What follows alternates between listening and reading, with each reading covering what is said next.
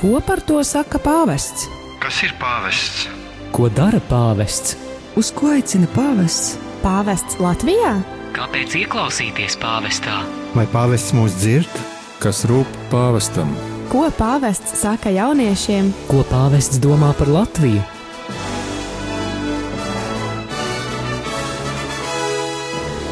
Gaidot pāvesta vizīti Latvijā, atbildes uz šiem un daudziem citiem jautājumiem meklēsim raidījumā Pētera pēdās. Katru piekdienu, pulksten 13. ar atkārtojumu sestdienā, pulksten 10.10 10 un otrdienā, pulksten 22.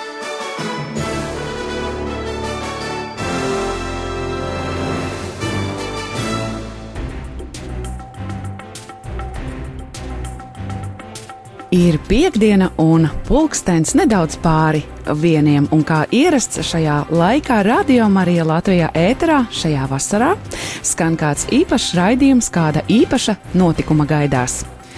Silti sveicieni arī tiem, kas šo raidījumu klausāties atkārtojumā sestdienā, 10.10 10 un vēlā otrdienas vakarā, pulksten 10.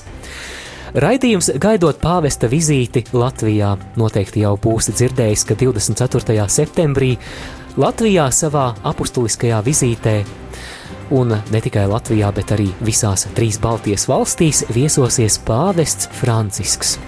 Jā, un gatavojoties šai vizītei, protams, norit dažādi organizatoriski darbi un notiek plānošanas un palīgu meklēšanas un uh, visu darbu priekšdarbu sagatavošana, taču arī mums pašiem ir jāsagatavojas, mums ir jāzina, mums ir jāizzina un jāsaprot, kāpēc, kas, kad un, jā, un uh, ko tad tas mums viss var dot un nest. Tieši tā, un lai palīdzētu labāk sagatavoties pāvesta Franciska vizītei Latvijā, šajā raidījumā mēs dažādus jautājumus saistībā ar pāvesta vizīti un par pāvestību kopumā mēs aplūkojam no dažādiem aspektiem, no vizītes organizatoriskā aspekta, arī no jauniešu pastorālā darba aspekta, Mēs raugāmies arī uz pāvestu kā personību, tieši pāvestu Francisku kā personību. Un, protams, reizi mēnesī raidījums ir veltīts arī pāvestības vēsturiskajiem aspektiem un vēsturiskajai attīstībai. Apmēram pirms mēneša jums bija iespēja dzirdēt raidījumu, kurā mēs aplūkojām pāvestības tēla attīstību vēstures griežos sākot no pirmajiem gadsimtiem un nokļuvām līdz pat renesanses laikmetam. Jā, un šajā raidījumā mēs cauri uh, vijam um, dažādus pāvestību, ar pāvestību saistītus notikumus un pie sevis aicinām kādu, um, nu, jāsaka, godīgi kādu, kurš ir zinošāks par mums šai lietā. Un tāpēc ar jums šodien studijā būšu es Judīte.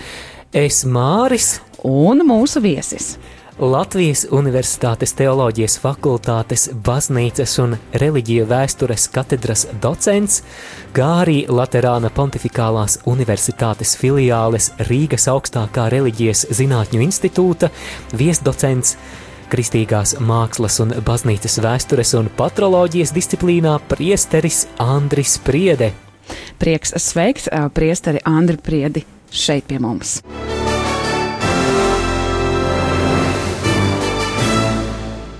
Bet vispirms uzkavēsimies spilgtākajos mirkļos no iepriekšējā vēsturiskā raidījuma, kurā mēs pirmkārt konstatējām to, ka pāvestības tēls gadsimtu griežos patiešām ir mainījies, bet, kā mēs tūlīt dzirdēsim, tad pāvestības tēla izmaiņas ir jānošķir no pāvestības būtības. Nu, tas ir publiskais tēls, kādu mēs iedomājamies. Zvejnieks vai gluži otrādi uz sēdīgi iztetatorija ar tiāru galvā, bet tas nekādā veidā nemaina viņa būtību. Un Pēteris Arī tad, kad viņš peldēja Galilejas jūrā uz zvejnieku laiviņas un vāca zīvis savai iztikai, arī tad viņš pildīja šo pāvestības būtību, būt par ganu, būt par ticības garantu un savu brāļu stiprinātāju, to, ko Jēzus viņam uzticēja. Viss pārējais ir mainīgs, un viņam ir jāmainās atbilstoši tā laika pastorālajām prioritātēm. Ka viss skaistais, kas ir iesācies ar brīnišķīgu sirds deksmi un aicinājumu, arī pāvestības pirmsākumi ir prasījuši daudz sirds, daudz mīlestības, daudz uzticības, un pirmie pāvesti, kā mēs arī uh, dzirdējām, ir tiešām arī lielākajā daļā visi bijuši uh, mocekļi, un jā, ir iecelti mocekļu kārtā. Faktiski absolūtais vairākums ar retiem izņēmumiem no pirmajiem trim gadsimtiem, tas ir Romas impērijas vajāšanu gadsimtos, trīs gadsimti līdz uh, galērija un nākošajā gadā Konstantīna tolerants ediktiem 312. un 313. gads. Mēs uh, nevaram runāt par kaut kādu normālu funkcionēšanu, jo kristietība nemitīgi atradās uh, šajā te uzmanības centrā, nu, kad tad mēs atkal sāksim kārtējās vajāšanas. Un šajos trijos gadsimtos absolūtais vairākums no pāvestiem ir gan mocekļi, gan vismaz svētie. Iepriekšējā vēsturiskajā raidījumā mēs arī pievērsāmies eh, kādam visai sāpīgam vēstures aspektam, proti, pāvestības tēls nevienmēr gadsimtu gaitā ir bijis svētuma oreola apvīts. Mēs runājām arī par pāvestības tā saucamo tumšo laikmetu, sekulumu obskurumu, desmitajā gadsimtā pēc Kristus. Patiesību nekad nevajag slēpt. Labāk mēs paši to paskaidrojam, ka ir tāds sekulum obskūrum un informējam savus ticīgos par to, par ko mēs varam lepoties un par to, par ko mēs lūdzam Dievam piedošanu. E, nu, tā ir līdz šim brīdim šī dilemma, kad vēsturei ir jābūt objektīvai, patīk mums vai ne. Vēl viens pāvestības tēla aspekts, kuram mēs pievērsāmies iepriekšējā vēsturiskajā raidījumā, ir pāvestības eh, sejas, ja tā varētu teikt, eh, politiskie vaipsti viduslaikos. No 800. gada tātad pāvesta personīgi veikts kronēšanas process, eh, Franku un kopš Kārļa mazbērnu laikiem jau ir eh, konkretizējušās austrumu, rietumu un vidus eh, centrāla franku valsts, kas būtu austrumu vācu karalis, rietumu franču karalis un vidus Itālijas karaļu valsts, kad attiecīgi šo karaļu eh, kan, šie karaļi ir kandidāti, nu kuram tad pāvis uzliks to, to kroni galvā, kurš pirmais pagūs uz Romu, gan arī vai sagūstīt un fiziski pāvestu piespiest. Šis process turpināsies līdz 14. gadsimta vidum. Politiska iemesla dēļ šī, e, teiksim, e, pāvestu viduslaiku zelta laikmeta um, aureola ir definitīvi sagrauta. Dzirdējām arī par pāvestības jau minētās sejas skaistiem kultūrālajiem vaipstiem, kuri šajā pāvestības sejā atstājuši tiešām lielu, lielu un nozīmīgu skaistu līniju. Un, Mēs par to runājām Renesanses laikmeta kontekstā. Renesanses pāvesti.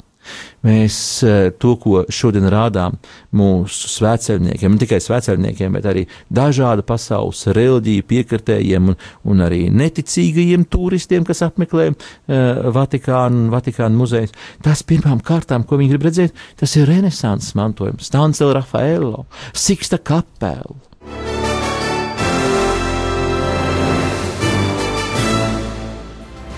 Ja iepriekšējā raidījumā mēs apstājāmies Renesanses laikmetā, tad šodien mēs mūsu vēsturiskajā ekskursijā, izsekojot līdzi pāvestības tēla izmaiņām, dosimies uz priekšu. Bet pirms tam īsa mūzikas pauze.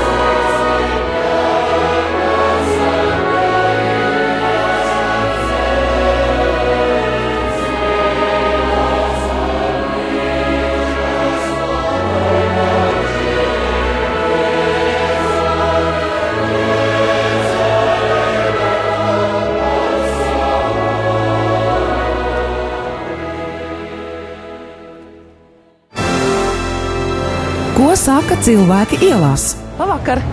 Jūs kādu gaidat? Jā, bet draudzene gaidu. Jā, es, iešu, es ilgi jūs neaizkavēšu. Es esmu no rādio, un mans kolēģis arī. Mēs īsu jautājumu uzdodam cilvēkiem. Kas jums pirmais ienāk prātā, pirmā asociācija, kad jūs izdzirdat vārdu Romas pāvests? Romas pāvests. Uh, tas kā. Jebkas, kas pirmais uzreiz ienāk prātā? Tas kaut kāds ar baznīcu saistīts. Jā. Jā. Nu, tad, Baznīca? Nu, baznīca. Baznīca pirmā, pirmā asociācija. Brīnišķīgi. Uh, what is the first uh, thing what comes in Kas your ir pirmā lieta, kas jums nāk the prātā, kad jūs uh, dzirdat Pope vārdu pāvests? Patriarchy. Patriarhija. O, laba atbildi. Paldies. Uh, what is the first thing you comes in your Kas ir mind pirmā lieta, kas jums nāk prātā, kad jūs dzirdat vārdu pāvests vai svētais tēvs? Pirmā lieta. Okay, that's good answer. Thank Francisko. you. Es atvainojos, dāmas, labvakar.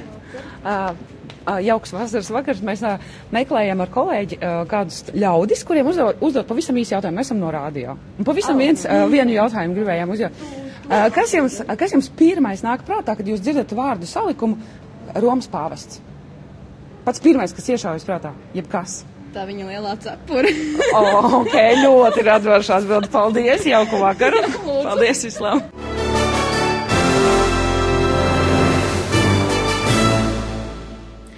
Daudz un a, dažādas viedokļus, protams, mēs varam novērot pie ļaudīm ielās, kuri varbūt ikdienā nav tik cieši saistīti ar baznīcu, un tomēr mēs varam tikai minēt, vai šādu pašu, vai gluži pretēju iemeslu dēļ baznīca tika piedzīvojusi pirms 500 gadiem reformāciju.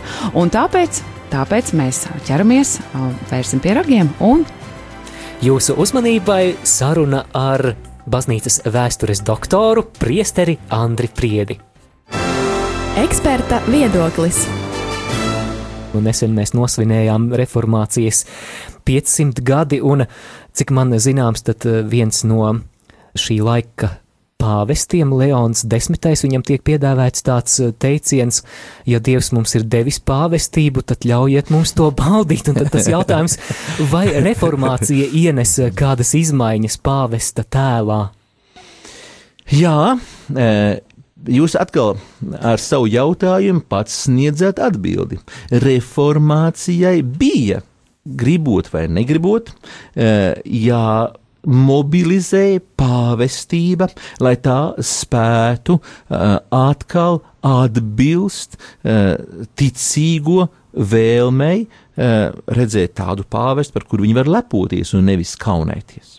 Par šo Leonu desmito jau nebūtu jākaunās. Viņš personiski, arī, teiksim, reformācijas vēsturnieki, šodienas vēsturnieki, Ne jau polēmikas gaismā, kur uh, Mārtiņš Luters runā par pāvestību, kas ir dibināta uz antikrista pamatiem, uh, bet nu šodienas, piemēram, viens no labākajiem latviešu valodā sacerētiem darbiem par reformāciju ir mācītājs Egīls Grīslis.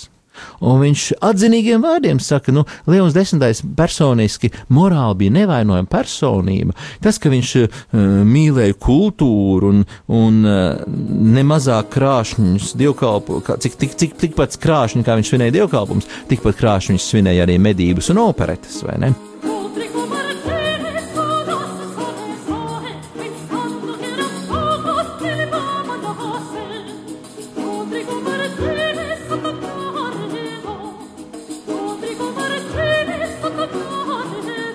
Tā laika uh, arī reliģija ir teiksim, kultūras iedvesmas avots. Nu, tad arī visai kultūrai, tā skaitā reliģijai, bija jābūt apveltītai ar savu posmu. Bet tas nav tas pāvests, kas ir vajadzīgs ticīgajiem, kad viņi ir apmūsuši un īsti nevar saprast, vecā vai jaunā ticība. Jo šī jaunā ticība jau arī saka, ka mēs neesam kaut kāda jauna izgudrota ticība, bet mēs vienkārši esam atbrīvojušies no liekā balasta, uzturēt šos liek, šo liekējušu armiju veselu, jo dažās Vācijas pilsētās apmēram 10% iedzīvotāji piederēja pie klēra. Ko ar viņiem lai iesāk? Nabadzīgi, neizglītoti, tā, tā saucamais klēra proletariāts, kas pirmais ar urravām pārņēma, teiksim, reformācijas lozungus, un tad tas klē, klēra virsotne aristokrātija no dišciltīgiem um, vācu mužnieku, poļu pāni, nu, tie, tie ir tie, kuriem ir uh, garantētas augstākās vietas hierarhijā, jo, nu, viņiem tas tas likumīgi pienākās. Tā kā, piemēram, tā laika ķelnes arhibīskais Hermans von Vīts, kurš lepojās, ka nu, viņš savā pontifikāta laikā ir nosvinējis veselus trīs dievkalpojumus, trīs mises savā, savā oh. arhibīskapa uh, karjerā. Bet no nu, bēdībās viņš bija katru nedēļu toties.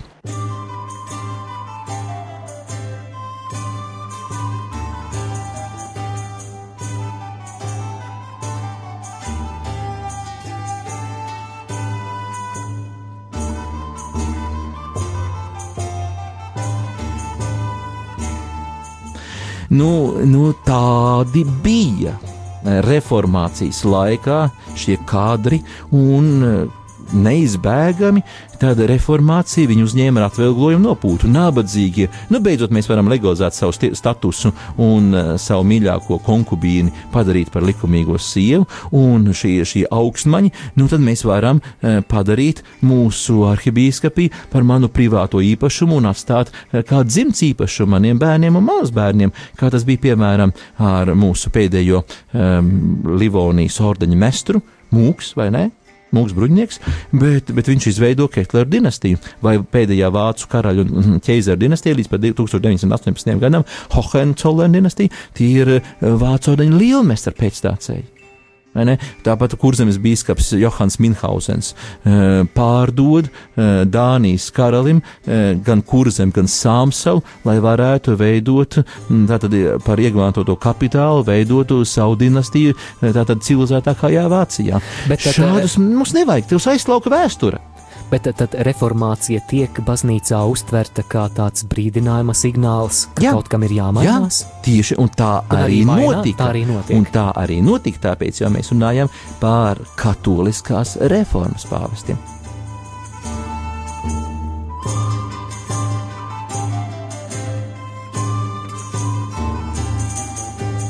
Tur jau ir tā, tā, tā ir atkal mana iemīļota tēze, ko es e, vietā un nevietā, kā Pāvils Pāvils saka, uzstājies laikā un dēlaikā, nemitīgi atkārtoja, ka reformācija nav vienas kādas reformācijā dzimušas konfesijas, kā luterāņu vai kalvienistu monopols.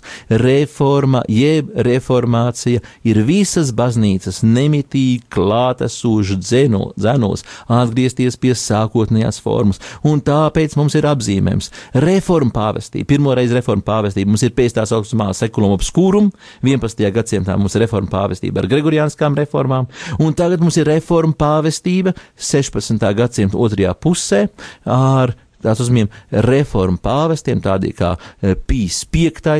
Mēs visi zinām, Svētā Pīja piektā misāli, kas ir mūsu monsignora Lefevra sekotāju lozungs. Viņi saka, nekādu jauno pēckoncilu misāli mums ir vienreiz apstiprināta bija piektā misāle, un tur jota vairs nedrīkst būt mainīta, vai siks piektais, vai e, svētais Kārlis Boromejs, Milāns arhibīskaps, spilgtākais no reformētā episkopāta pārstāvjiem.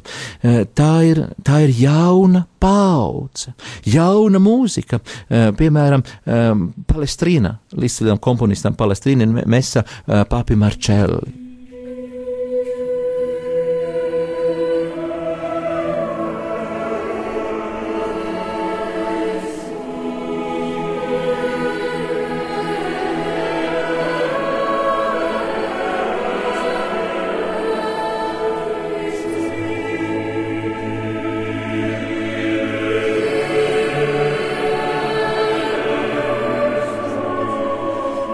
Viens no skaistākajiem renesanses skaņdarbiem.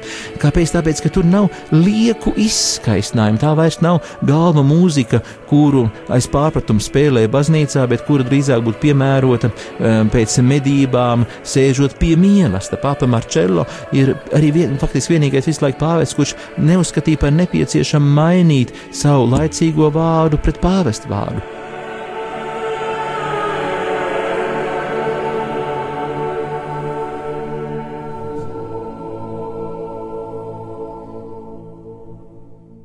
Visā kultūrā notiek šī, šī reforma. Svētais Filips Nēri, Romas otrais apustulis pēc apustuļa Pētera, uh, Filips Nēri uh, ir um, tas, kas nodibina oratorijas kongregāciju un tam līdzīgi, bet tie ir tie, kas īsteno jaunu atgriešanos, un tā ir reformācija, katoliskā reformācija nelaimīgā kārtā. Luters Vācijā pasteidzās pirmais.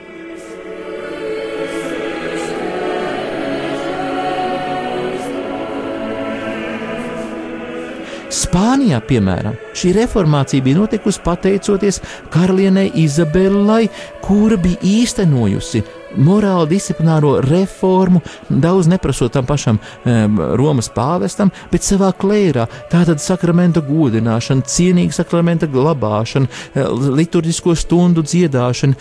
Spānija bija jau paraudzeme.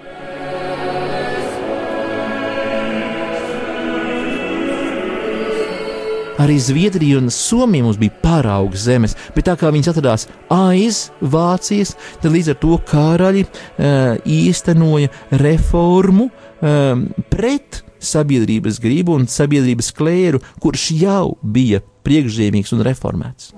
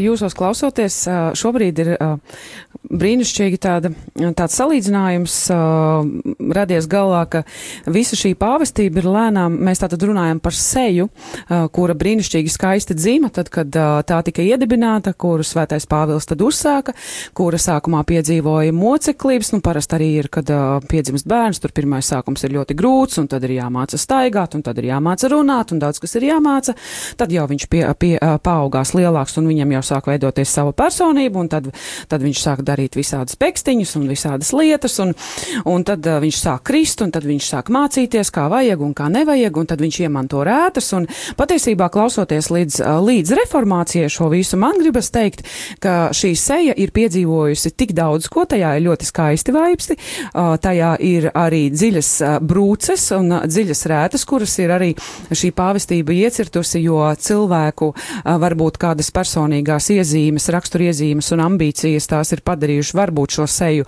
uh, ne vairs tik skaistu un ir pilnīgi skaidrs, ka tur ir kaut kas jāoperē un kaut kas ir vai nu jāgriež ārā, vai arī kaut kas ir. operācija. Jā, plastiskā operācija. un, un tā tad notika šī reformācija, reforma un, um, un tad uh, vajadzēja vēl uh, pārsimts gadus līdz uh, beidzot tika sasaukts Vatikāna otrais koncils, kad beigu, beidzot šī operācija varēja notikt. Tātad es gribētu teikt, varbūt, kad ar pirmo īsti nebija skaidrs, tad pagāja vēl pārsimts gadu, mēs varējām piedzīvot uh, pilnīgi sapratni, ka ir vajadzīga šī operācija. Operācija tika diezgan ātri sagatavota, saprotu, tātad koncils tika sasaukts uh, sa rekordātrumā. rekordātrumā, un uh, notika šī plastiskā operācija kaut kādā mērā. Tika izņemts ārā tas, kas bija pilnīgi lieks un pilnīgi vairs neskaists, varbūt atjaunoti skaistākie vaipsti, un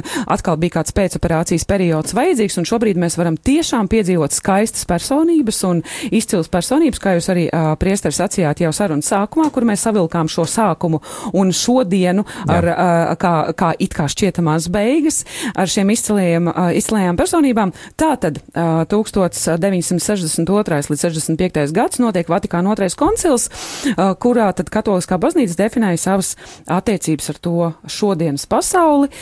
Un kā tad otrā Vatikāna koncils un tām sekojošie notikumi un reformas ietekmē šīs pāvestības tēlu, jo ir pilnīgi skaidrs, ka kaut kādā mērā operācija ir piedzīvota un tagad ir jāsāk ar to dzīvot. Mīļā Judīte, es jums uzreiz atbildēšu ar pretjautājumu. Jūs zinat baznīcas tēvus?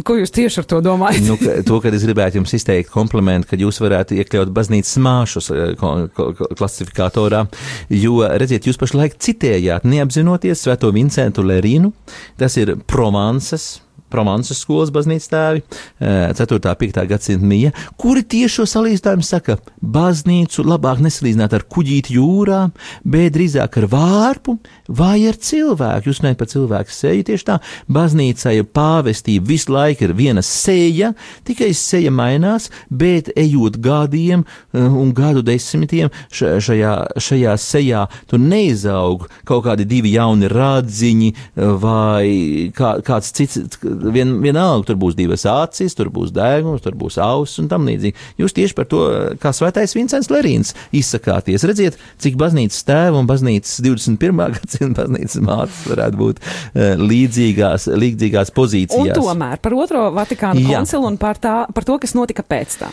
Tātad, bet atgriežoties pie jūsu salīdzinājuma par seju, otrais Vatikāna koncils ir tik un tā tā pati seja, un es drīzāk teiktu, ka tas ir nopūderēta seja. Varbūt uzliks kāds pretiedeguma krems, jo uh, tas ir uh, lielais pāvests Ratzingers. Uh, visu cieņu jā, pāvestam Vojtīlam eh, vai pāvestam Franciskam. Eh, Vojtīlu tomēr tiek uzskatīts pirmām kārtām par lielāku teolo, eh, filozofu. Vojtīlu salīdzina par tādu eksistenciālismu filozofu. Francisks ir pastorāla teoloģijas lielmeistars, bet mm, Benedikts no visiem pēdējā gadsimta pāvestiem viennozīmīgi tiek uztverts kā spilgtākais un paliekošākais tieši teologs convinto che con questa parola nelle sue tante dimensioni e c'è detto tutto quanto si può dire in questo momento. Eucharistomen dicenex grazie, umano, grazie a tutti. Un kāda ir Benedikta tēze, raugoties uz pēdējā gadsimta notikumiem? Viņš saka, mēs izdarītu lielu kļūdu, uzskatot, ka otrais Vatikāna koncils ir kāda radikāla iejaukšanās, kāda, tur, teiksim, vienas auss izoperēšana vai, vai deguna pagarināšana vai kaut kāds tam līdzīgs. Viņš uzskata, Vatikāna koncilu mums ir jālasa un jāpārlasa kontinuitātē pēstniecībā. Un eh, nu, ko tad Vatikāna koncils patiesībā ir tādu izdarījis, kas būtu radikāli jauns? Nu, ko? ko tad? Jā, es jums tagad jautāju, um, vai ir Vatikāna ā, koncilām kaut kādas tādas radikālas pārmaiņas baznīcā? Tā vienkārši tas ir, ko pāvests Jānis 23. teica, adžornamento, atbilst, eh, pasmēģināt paraudzīties, kādā veidā eh, mūsu pastorālo, tāpēc to arī sauc par pastorālo, nevis par kādu dogmātisko koncilu, kādas ir mūsu pastorālās prioritātes un cik lielā mērā tās atbilst eh, šodienas izaicinājumiem šodienas pasaules, tāpēc tas gaudījums un spējas, eh, vai ne, pas, eh, tie, tie dokumenti, kas runā par baznīcas un sabiedrības, laicīgās sabiedrības attiecībām, viņi nepasaka nekādu kādu jaunu definīciju, bet vienkārši mūdina intensificēt šīs attiecības, ka, nu, ka baznīca un sabiedrība nav divi pretpoli, divi karojoši spēki, bet ir ļoti daudz kopēja. Jo ir jau šī viena tēze par to, ka nu, ir garīgā sabiedrība ne, un laicīgā sabiedrība, un viņām nav, eh, teiksim, kā divas paralēlas, kuras nekad nekrustojās. Nē, mums ir ārkārtīgi daudz e, kā kopēja ar visiem tiem, kuru šodien tā, um, kā Pāvils Bendikts ar ironiju saka, uh, tas mūsdienu cilvēks, tas ir tāds klišejisks termins, bet nu tam mūsdienu cilvēkam un kristietībai ir ārkārtīgi daudz kopēju interešu. Piemēram, Pāvests Francis tagad ar savu laudāto si uh, aicina um, mobilizēt kopēju uzmanību uz dabas aizsardzību. Vatikāna koncila laikā šī problēma vēl nebija tik tālu apzināta. Bet Vatikāna koncils norāda šīs vadlīnijas, kad jūs sekojiet, pētiet līdzi, kas ir aktuāls sabiedrībai. Tas ir, tā nav kosmētiska operācija, tas ir pretiedeguma krems, lai baznīca nepārvērstos par, par tādu sačokurojušos, naftalīnā uh, iemarinētu reliktu.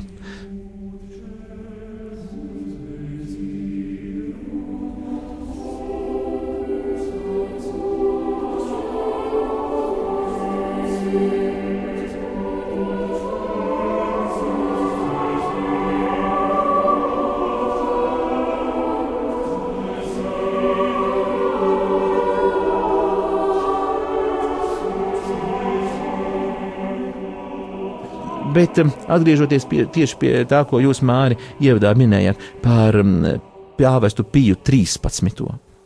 Jā, te nu mēs atkal atgriežamies pie Itālijas un ASV kopražojuma seriāla Jaunais pāvests ar Džūdu Lovu galvenajā lomā par eh, pāvestu Piju 13.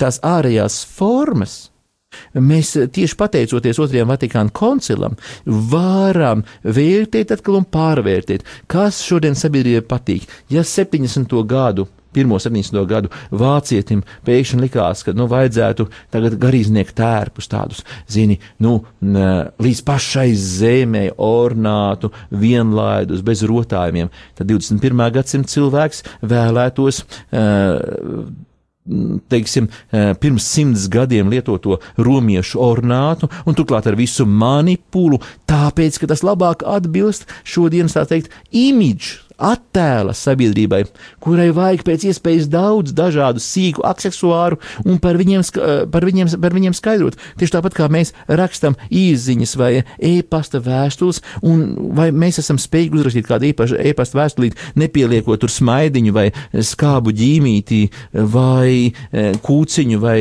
nekūciņu. Nu, mūsdienu izaicinājums ir tas, uz kuru mēģina atbildēt zināmā mērā pravietiski šī kinofilma. Es viņu neesmu redzējis, tikai manas studentes teoloģijas fakultātē. Viņas ģīpst un saka, pasniedzēji, vai tad tiešām jūs negribat paskatīties Džuda Low? Un es saku, kas ar Džuda Low ir? Um, nu kā, nu jaunais pāvests. Ugh, tas nu gan būtu labi aktieris par pāvestu, vai tīli jau vienreiz tāds bija, vai ne?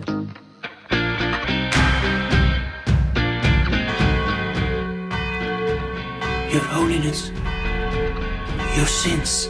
I don't have any sins to confess. My only sin is that my conscience does not accuse me of anything.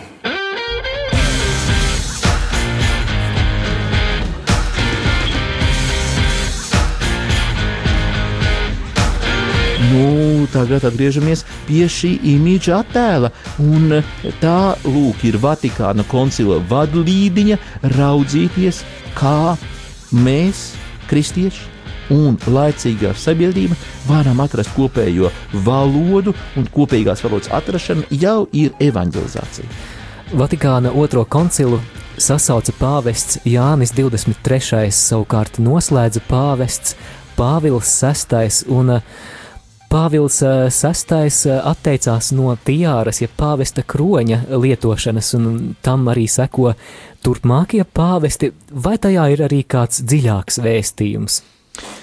Pāvila sastāvā laikā atteikšanās no tiāras un tiāras izūtrupēšana, neteiksim izūtrupēšana, bet Nebija jau nenī brīdī Vatikāna pasludināt bankrotu, kā to dara daža laba cita diecēze, kura burtiskā nozīmē ir bankr bankrotējusi finansiālā laukā, un tad kādas citas konfesijas, piemēram, Savienotajās valstīs, nopērk šīs diecēzes katedrāli vai ne savām vajadzībām. Nu, tur tas tiek pieņemts normāli. Pāvest, Vatikāna valsts, viena valsts, ja bankrotētu, nu, tas būtu tomēr liela sensācija. Šādiem nolūkiem dažkārt izsludina ārā ārkārtas jubilejas gadus, tad, kad Vatikāna uh, kase ir uh, īpaši kritiskā situācijā. Bet Pāvils VI to vēlējās kā tādu labdarības aktu. Mēs izsolām šo pāvesta tiāru, kas viņu nopirks, tad šo, šo ziedoto, šo ieņemto naudu mēs ziedosim trūkumu cietējiem. Tas, tas bija tam brīdim skaists žests Un uh, es priecājos, ka nākošie pāvesti šo žestu neturpināja ar to, ka, piemēram, uh, izsolītu visus Vatikāna muzejus. jo uh, tad šie Vatikāna muzeji, kas tādā veidā ir pieejami, sabiedrībai, nonāk kādās privātās kolekcijās. Nu, vienreiz mēs esam paēdinājuši, bet pēc tam mums nav iespēja ilgtermiņā paēdināt tos cilvēkus kaut vai par tiem līdzekļiem, kas par Vatikānu muzeju biļešu uh, iegādi ir ienākuši svētā krēsla rīcībā. Labi, tātad Pāvilam sastām bija šī prioritāte. Jānis eh, Pāvils I un Jānis Pāvils II vienkārši personīgi atteicās no eh, šīs kronēšanas ceremonijas, un Pāvests eh, Benedikts svītroja tiāru arī no ģērboņa. Bet neviens neliedz, tas nav dogmātisks, tas ir pastorāls žests. Un neviens neliedz, nelieks, ja gadījumā kāds Džūda Lovs atkal, mm, teiksim, būs izvirzīts par eh, jauno kandidātu sabiedrības, mm, tā teikt, mobilizēšanai un nebaidoties no liekām diskusijām, atkal viņu atgriezt apritē. Jo šie trīs skroņi, eh, viņi, viņus var izprast gan kā Rex Rigorum, kā karaļa karalis, bet viņi var izprast arī kā atbildība par visām trim baznīcā. Mēs nevaram trīs tiārus uz, uz, uz, uzkraut vienu otrai virsū. Tad mēs izskatīsimies kā daži budistu bonzas vai ne, kā kāds Tibetas dalai lama viņa svētku tērpā. Bet trīs kroņi ir iespējami, un baznīca ir cietēja svētceļojošā un triumfējošā baznīca, un pār visām trim pāvestiem ir zināma atbildība par cietējo, aizlūdzot par dvēselēm šīstītavā, svētceļojošo, esot pirmajam no šiem svētceļniekiem, un par triumfējošo, kad mēs kanu, beatificējam, kanonizējam stopošos sadākošos svētos. Tā kā tiārai nav tikai politiska e, nozīme. Um, Jā, um, nu tā tā, teiksim, Pāvils Bendīgs teica, svītrosi viņu no, no ģērboņa, bet viņš nelika izkalt no Romas ielām visur tur, kur ir kaut vai, kaut vai Romas ūdens notek caurulis ar, ar, ar tradicionālo tiāru. Tā ir viņa person, personīgā izvēle, un kāpēc viņš varbūt to izdarīja. Um, bai, tieši sabiedrības spiediena dēļ atcerieties gadījumu, kad viņš īsi pirms Ziemassvētkiem bija uz, uzvilcis kamauru. Viņš piemin šo epizodi uh, savā uh, intervijā ar Pēteru Zēvaldu. Viņš saka, nu, man tiešām, mēs es, esam tāds mazliet salīgs, un īpaši ņemot vērā viņa gadus. Un tagad vien, vienā no pā, pāvēs Benedikta audiencēm viņš ir uzlicis to silto cepurīti, nevis balto pijusku, bet silto kamauru. Nu, un e, kā rieģīja žurnālisti? Pāvests Santa Klaus, jo tā e, kamaurs ir balts ar sārkanu, un, un bērni sajūsmā spieguši, un, un, un, un savukārt e, žurnālisti uzdevuši jautājumu, ah, ir notikusi atgriešanās pie Jāņa 23. laikiem. It kā atgriešanās pie Jāņa 23. laikiem nebūtu adžornamento atdzimšana, bet it kā tas būtu kaut kāds jauns konservatīvisms, jo tieši Jānis 23. bija pēdējais, kas šo kamauru lietoja. Nu, Jā, bet viņš saka, nu, zini, ko. Nu, tad es viņu vairāk nevalkāšu. Labāk, ka man apsalstā vējš sapūš ausis, nekā, nekā man jāklausās pie, pilnas auss ar, ar žurnālistu analīzi, kad eh, šim kamauram ir kāds vēstījums. Bet pāvest galvas sagām var nebūt vēstījums, tas var būt estētisks un arī funkcionāls simbols. Seja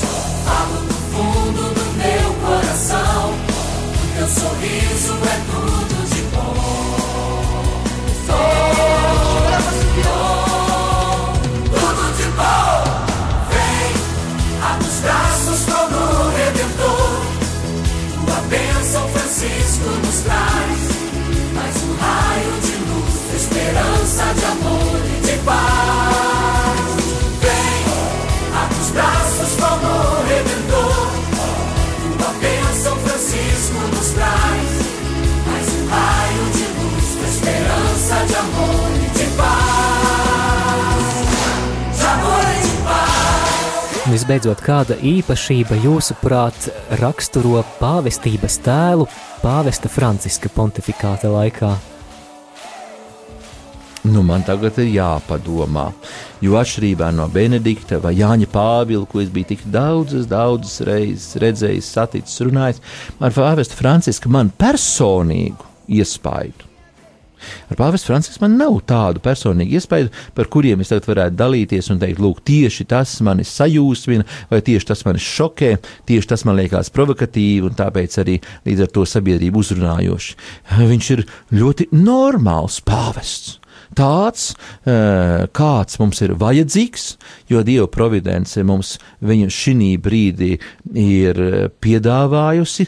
Nu, nu man personīgi liekas aktuāls viņa aicinājums uh, izvairīties no baznīcas birokratizēšanās, jo kā grandioza struktūra, viena no pasaules vislielākajām organizācijām, nerunāsim par pārdabisko dabu, bet teiksim, tā redzamā struktūra, nu, viņa ir smagnēja.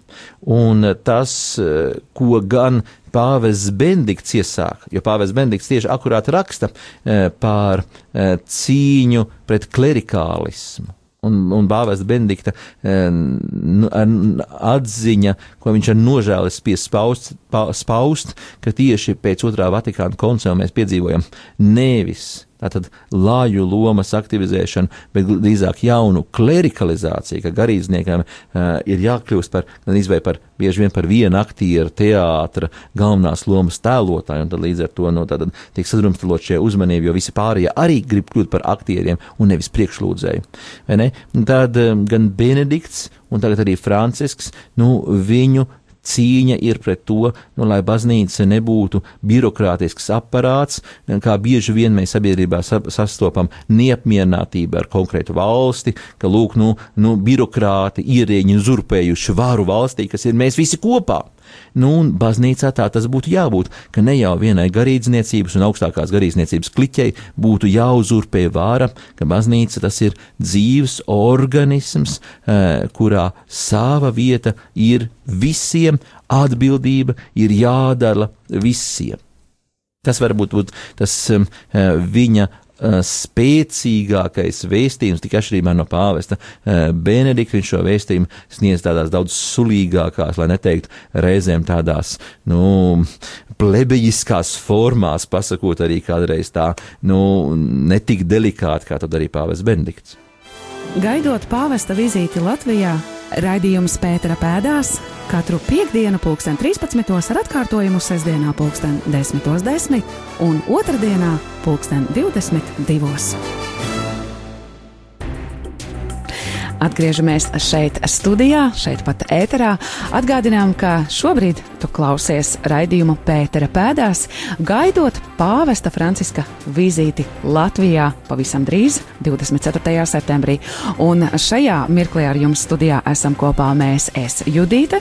Un es Māris, un par šo brīnišķīgo izsmeļošo un faktiem bagāto Vēsturisko ekskursiju meklējot pāvestības tēlu sākot no reformācijas līdz pat pāvestam Franciskam, mēs pateicamies Latvijas Universitātes teoloģijas fakultātes baznīcas un reliģiju vēstures katedras docentam. Latvijas Pontificālās Universitātes filiāles Rīgas augstākā reliģijas zinātņu institūta viesdocentam, kristīgās mākslas un baznīcas vēstures un patroloģijas disciplīnā, priesterim Andrim Priedem.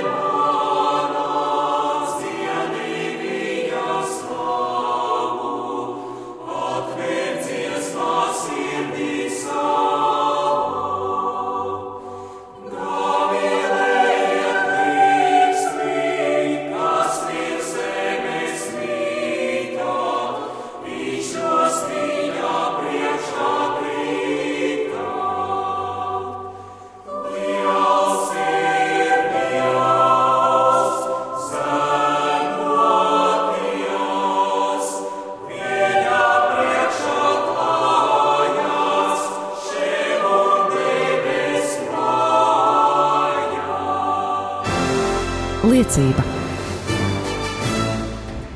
Šoreiz raidījumā Pētera pēdās liecinieks ir Nacionālo bruņoto spēku kapelāns Mareks Savickis, lai ir slavēts Jēzus Kristus. Mūžīgi mūžos slavēts man. Ja tev būtu atskatoties uz savu dzīvi, jānosauc vai jāmin kāds notikums saistībā ar pāvestu, ar pāvestību, tad uh, kas ir tas notikums, ar kuru tu gribētu padalīties ar radio Mariju klausītājiem? Uh, nu, manā dzīvē, teiksim, nu, viss, vis, izteiktāku tādu lomu, varētu teikt, varbūt tās pat, ja es varētu teikt, ka es esmu nu, sajūtis.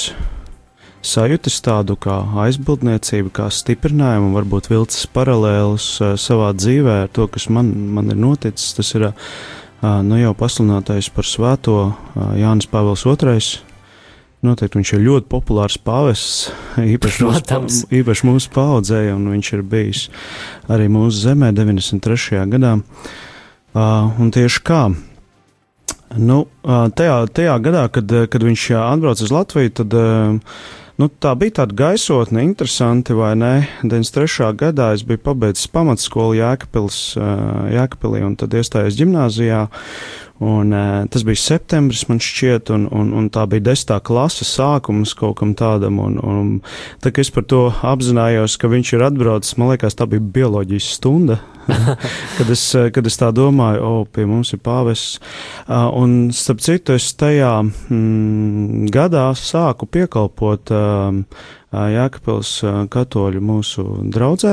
Man paaicināja dekantēvs, kā mēs saucam, Jānis Bratuškins, un, un varbūt tādā veidā es sāku, varbūt, nu, sajust to ģimeniskumu baznīcā. Varbūt es tā neapzinājos, kas tas vēl notiek, bet pēc tam, uh, velkot paralēlus tieši ar pāvestu, ka tieši tajā gadā kaut kad es sāku piekalpot, uh, Tad 2005. gadā, kad viņš aizgāja mūžībā, es atceros, es ieslēdzu CNN kanālu un īstenībā skatījos šīs, šo bērnu ceremoniju un, un seko līdzi, un man tas tā uzrunāja, ka es arī aizlūdzu kopā, esot tā ogrē savā dzīvoklī. Uh, Bet um, atgriezties, es atgriezos 2007. Uh, gadā, tas atgriešanās ceļš man apzinātais sākās tikai, bet uh, 2005. gadā, kad pāvis aizgāja mūžībā, īsumā man bija tāda krīze, ģimenes krīze sākās, un uh, uh, caur to es sāku meklēt Jēzu. Un 2007. gadā es uh, sapratu, ka Dievs ir mīlestība, noteikti esmu jau te to stāstījis, bet uh, nu, ja es valku tādas paralēlas, man šķiet, ka viņa aiziešana, man gribās tā ticēt, kaut kāds varbūt tās tieši tāds tādā izteiktā veidā dievu žēlstību, ko es varbūt, varbūt caur šo ceremoniju redzot tos cilvēkus, kas pie, pie, pie viņa šķirsta lūdzās vai raud, um, uzrunāja varbūt neapzināti sākumā manu sirdi. Kas pēc tam norezonēja tajā krīzes situācijā, kur pēc tam es sāku meklēt uh, dievu. Un, un, jā, un, un um, tad uh, tāds izteikts jau, teiksim, tāds moments ar uh, Svēto Jānu Pāvilu II bija, kad es atceros, es uh, tad vēl dienēju gaisa spēkos, un man bija jāiet uz mājiņu 1. janvārī. Nu, nu, es tā nevarēju svinēties vai nesagaidīt 1. janvāri, bet es jau biju tā, nu, sācis laikam studijas ar Arziju. Un tas bija vai nu um, gadu mijā 2008. uz 9. vai 9. uz 10. es neatceros, bet es biju nopircis Kaunijā um, filmu par uh, Uh, cilvēks, kas kļuva par pāvestu. Jā, ir tāda filma ir, par Jāni Pāvilu II. Jā, un es domāju, nu, ok, man jāiet uz maiņu, es tur nevaru iespringt neko baigi, tur, kur, kur man kā. No otras puses, man tāds arī miers bija. Es aizgāju uz misi tajā vakarā, un tad atnācu mājās, uzliku to filmu. Tā filma man tā, nu, teiksim, ievilka tādā garīgā pat nozīmē iekšā. Viņa diezgan gara filma, tā, tā pirmā daļa, nevis līdz tam, kā viņš nonāca par, uh, par līdz garīdzniecībai, vai ne? Uh, tik dziļi, ka es, nu jā, man bija tāds, teiksim, tāpēc tās filmas bija, nu, tādas filmas, kas izsūc un tā bija šī notrulina, jā, bet šī filma man tā uzrunāja, ka es domāju, cik vareni, cik, cik, cik vareni, ka Dievs tādus cilvēkus aicina pie sevis un ka viņi atsaucas un ka lielas lietas caur viņu dara Dievs. Jā, nu tā tas ir un. Nu, un, kā apstiprinājumu visam tam manā dzīvē, teiksim, ka, ka, ka šis pāvests man īpaši tūs sirdī ir, ka, nu, bija tā, ka es pārdomāju, ko es varētu, tad, kad kungs mani aicinās pie sevis atstāt savā, savai ģimenei, bērniem un, un, un pārējiem, varbūt mans mazbērns vai mazbērns, ja Dievs tādus dos, jautās, varbūt, kas šo altārīti, no kurienes tas ir, tad teiktu, ka vecstāvs vai vecvectāvs to, jā, es pasūtīju tāds viens draugs uztaisīja man altārīti, un tad mans arī, arī sieviete, arī ģimenes draugi, viņi, viņi, kas zīmē vai ne, uzzīmē šo pamat altāra svēto ģimeni, pamatā ir vai ne, bet gar sāniem ir svētie, un viens no tiem ir Jānis Pāvils II. Skaisti. Uh, un tieši tāpēc, ka uh, caur šiem varbūt punktiem, ko es esmu pārdomājis, kas ir uzrunājis, ka nu, gribētos būt tādam kā viņš. Nu, vismaz skatīties tā, kā viņš ir skaties uz lietām, gribās palasīt par viņa dzīvi. Arī tajā filmā šiem, tas bija otrais pasaules karš, nacistu okupācija, par to viņa draugu priesteri, kur nošāva beigās vai ne, un par to karavīru vācieti, kurš arī caur viņa draugu priesteri sāk pārdomāt, ko vispār nacisms darīja, un ka viņš ir vīlies tajā. Var sakot, nu, uzrunā, uzrunā viņa dzīves liecību, un galu galā vispārībā paldies viņam, un es gribētu izmantot iespēju viņam un, un prezidentam Rēginam, kas sašaikoja to padomu savienību reāli. Jā. Un tagad Latvija ir brīva valsts, un jā. šogad svinam Latvijas simtgadi. Tieši tā. Paldies, Marek, ka piekriti sarunai, lai Dievs svētī un lai izdodas, un lai tad tavi mazmaz bērni tad zina, ka šo altārīti ir pasūtījis vecvectēvs. Amen!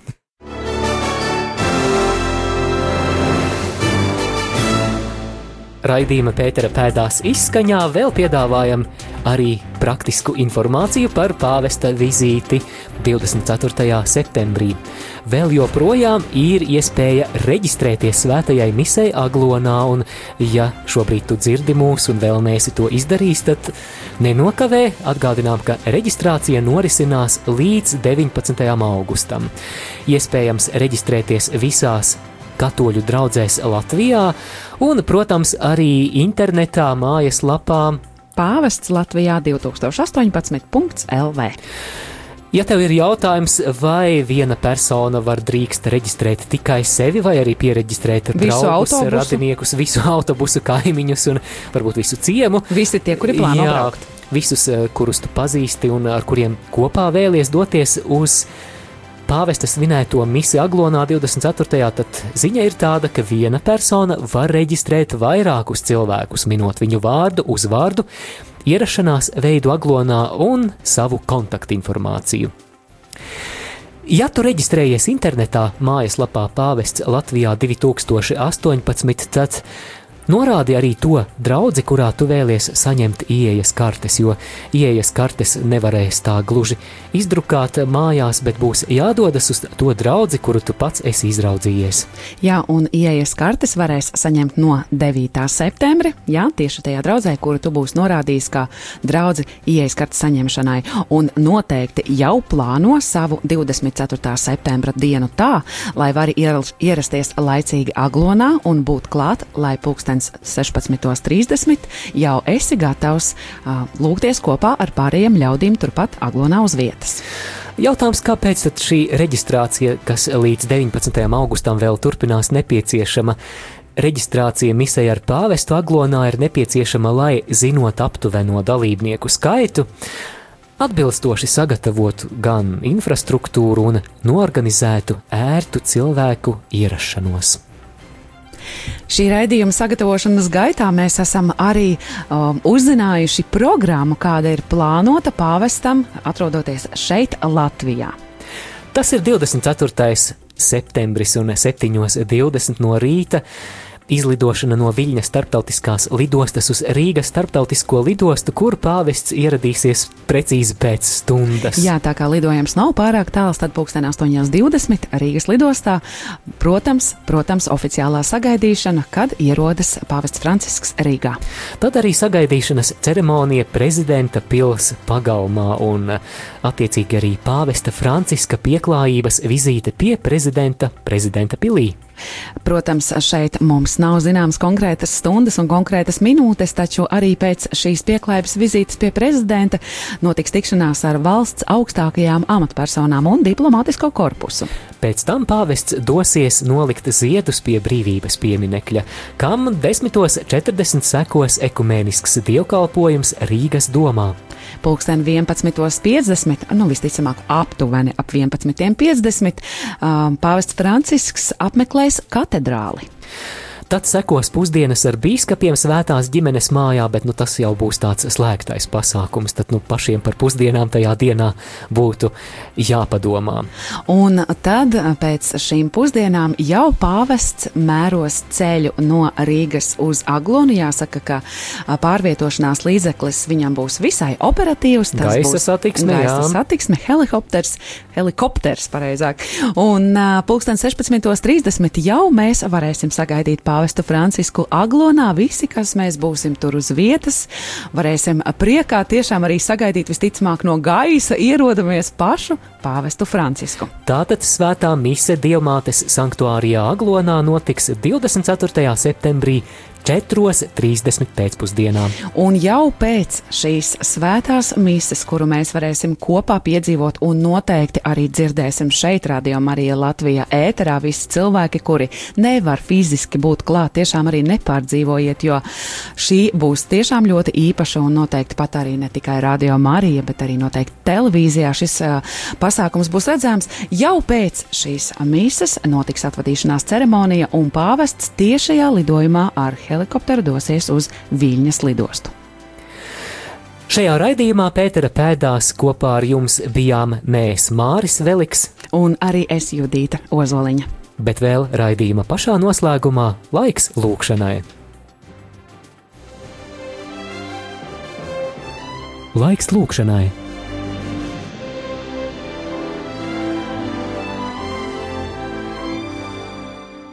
Savu kalpu Francisku apstuļa Pētera pēcteci, esi izvēlējis par visu ticīgo ganu.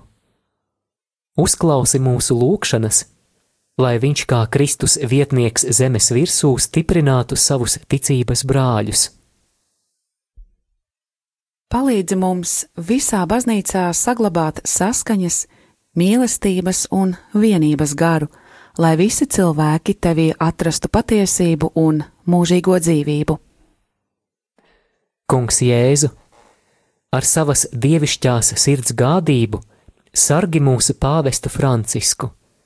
Esi viņa gaisma, spēks un iepriecinājums. Lūdzam par gaidāmo pāvesta Franciska vizīti Baltijas valstīs, lai tā nes mūsu zemē svētību, veicina garīgo atmodu un cilvēkus pamudina atgriezties pie Dieva. Mēs tevi lūdzam mūsu Kunga Jēzus Kristus vārdā, kas ar tevi dzīvo un valda Dievs visos mūžu mūžos. Āmen! Gaidot pāvesta vizīti Latvijā, raidījums Pētera pēdās katru piekdienu, pulksten 13. ar atkārtojumu sestdienā, pulksten 10.10 10 un otrdienā, pulksten 22.